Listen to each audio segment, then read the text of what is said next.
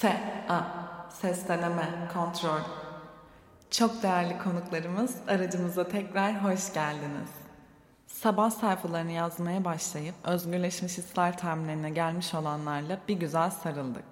Eğer sen sarıldıklarım arasında yoksan dert etme çünkü herkesin zamanı farklı.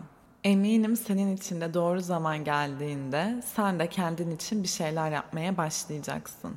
Siz terminalde mola halindeyken size olan hizmetimizi daha kaliteli hale getirebilmek için önerileriniz var mı diye bir anket çalışması yapmıştık. Ve arka beşliden anonslar okuyarak yaptığın çok belli oluyor, uykumuz geliyor gibi şikayetler aldım. O yüzden bugün biraz serbest akış bir şeyler anlatmayı deneyeceğim.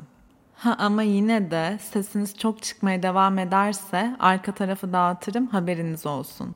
Şimdilik konumuza geri dönecek olursak eğer narsist ve borderline okuması yaparak kendimizi keşfetmeye çalıştığımız bu yolculuğumuzda bugün sana narsist kelimesinin nereden geldiğini anlatarak başlamak istiyorum.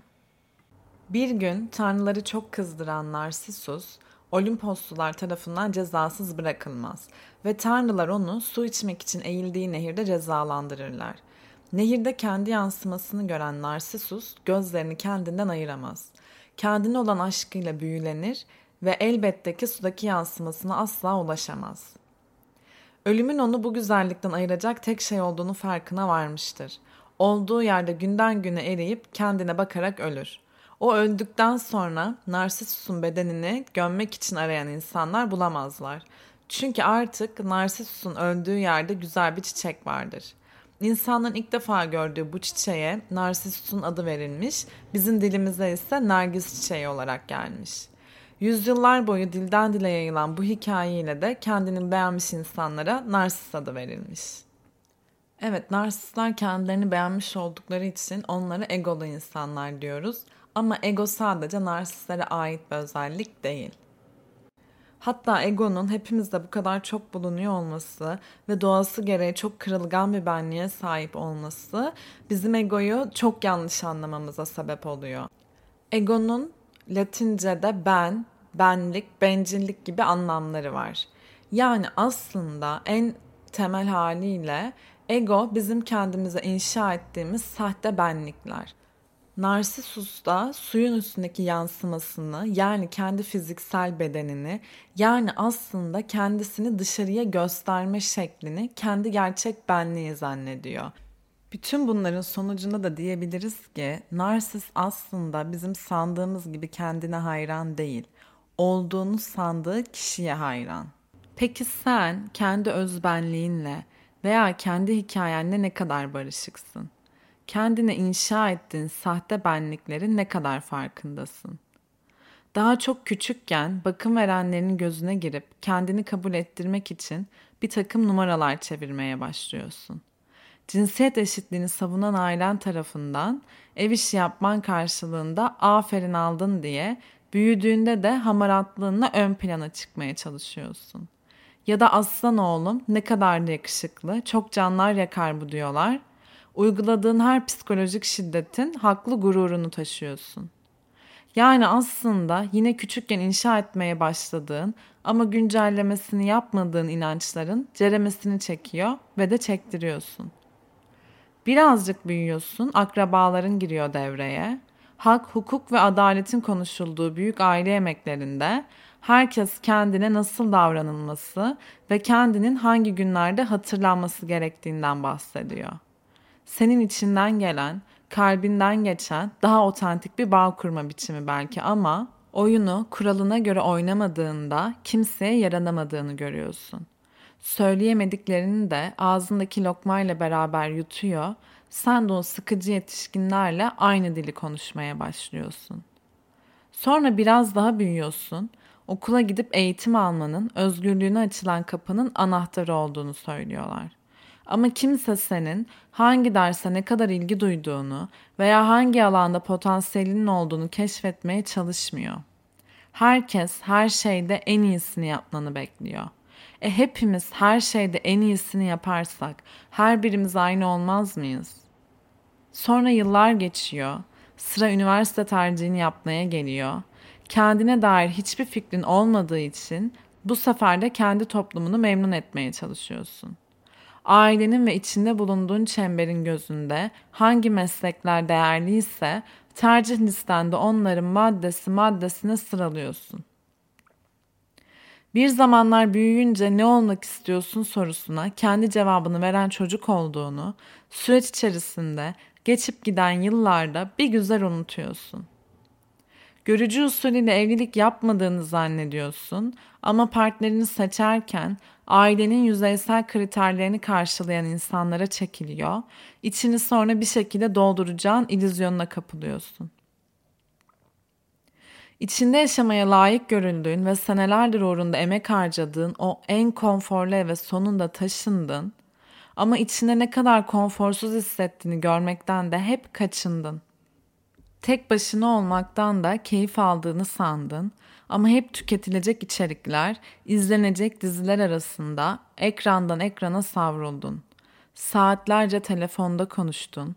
Kulaklığın olmadan yürümenin ne demek olduğunu unuttun. Terapiye paran olmadığı için başlamıyorsun. Her gün yürüyüşe soğuk olduğu için çıkmıyorsun. Ama günde sadece 3 sayfa yazı yazmak gibi basit bir eyleme bile içten içe müthiş direnç gösteriyorsun. Ve bunun sebebinin peşine bile düşmüyorsun. Çünkü gün içerisinde yaptığın her şeyi kendini oyalamak ve olduğuna inandığın kişiyi performa etmek için yapıyorsun.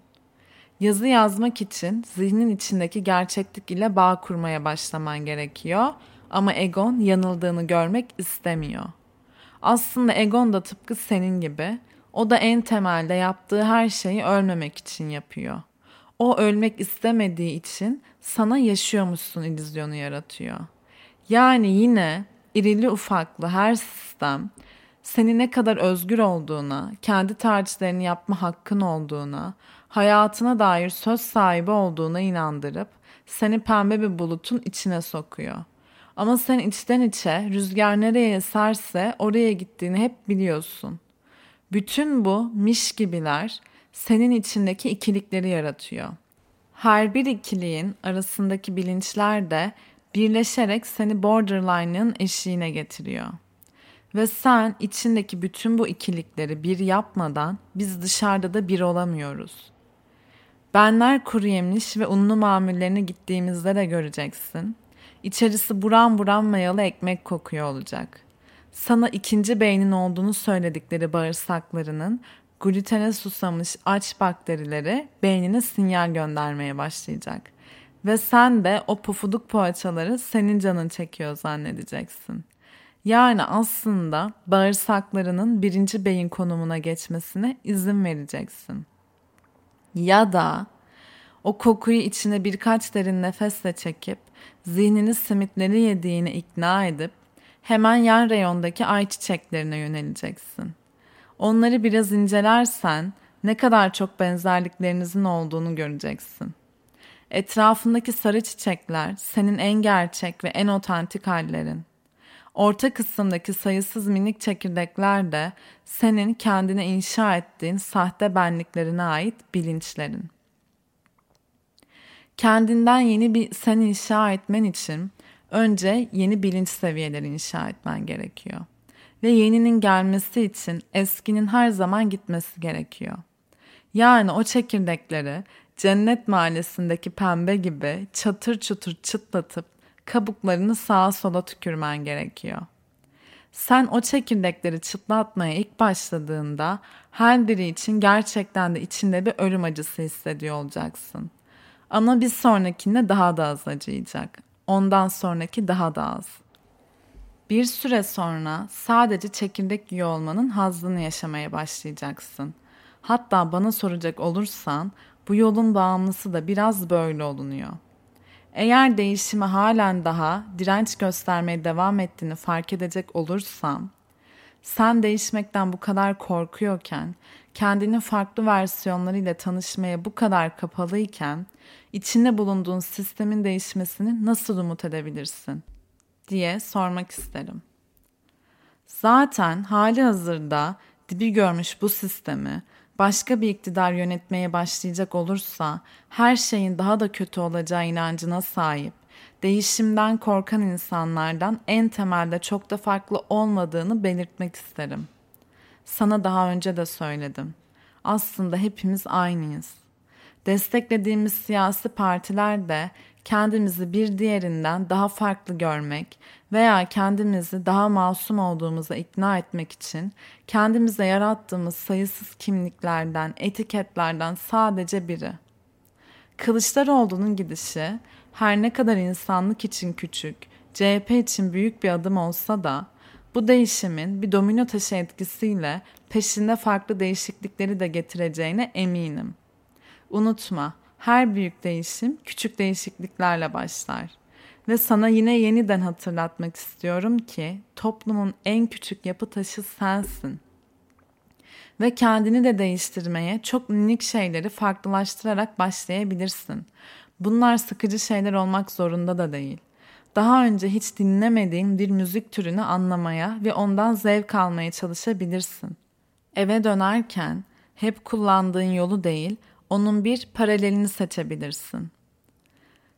Daha önce hiç yapmadığın bir yemeği menüye eklemeyi deneyebilirsin. Düşünceleri kas katı ve sabit kalmış biriysen de bedenini esneterek başlayabilirsin.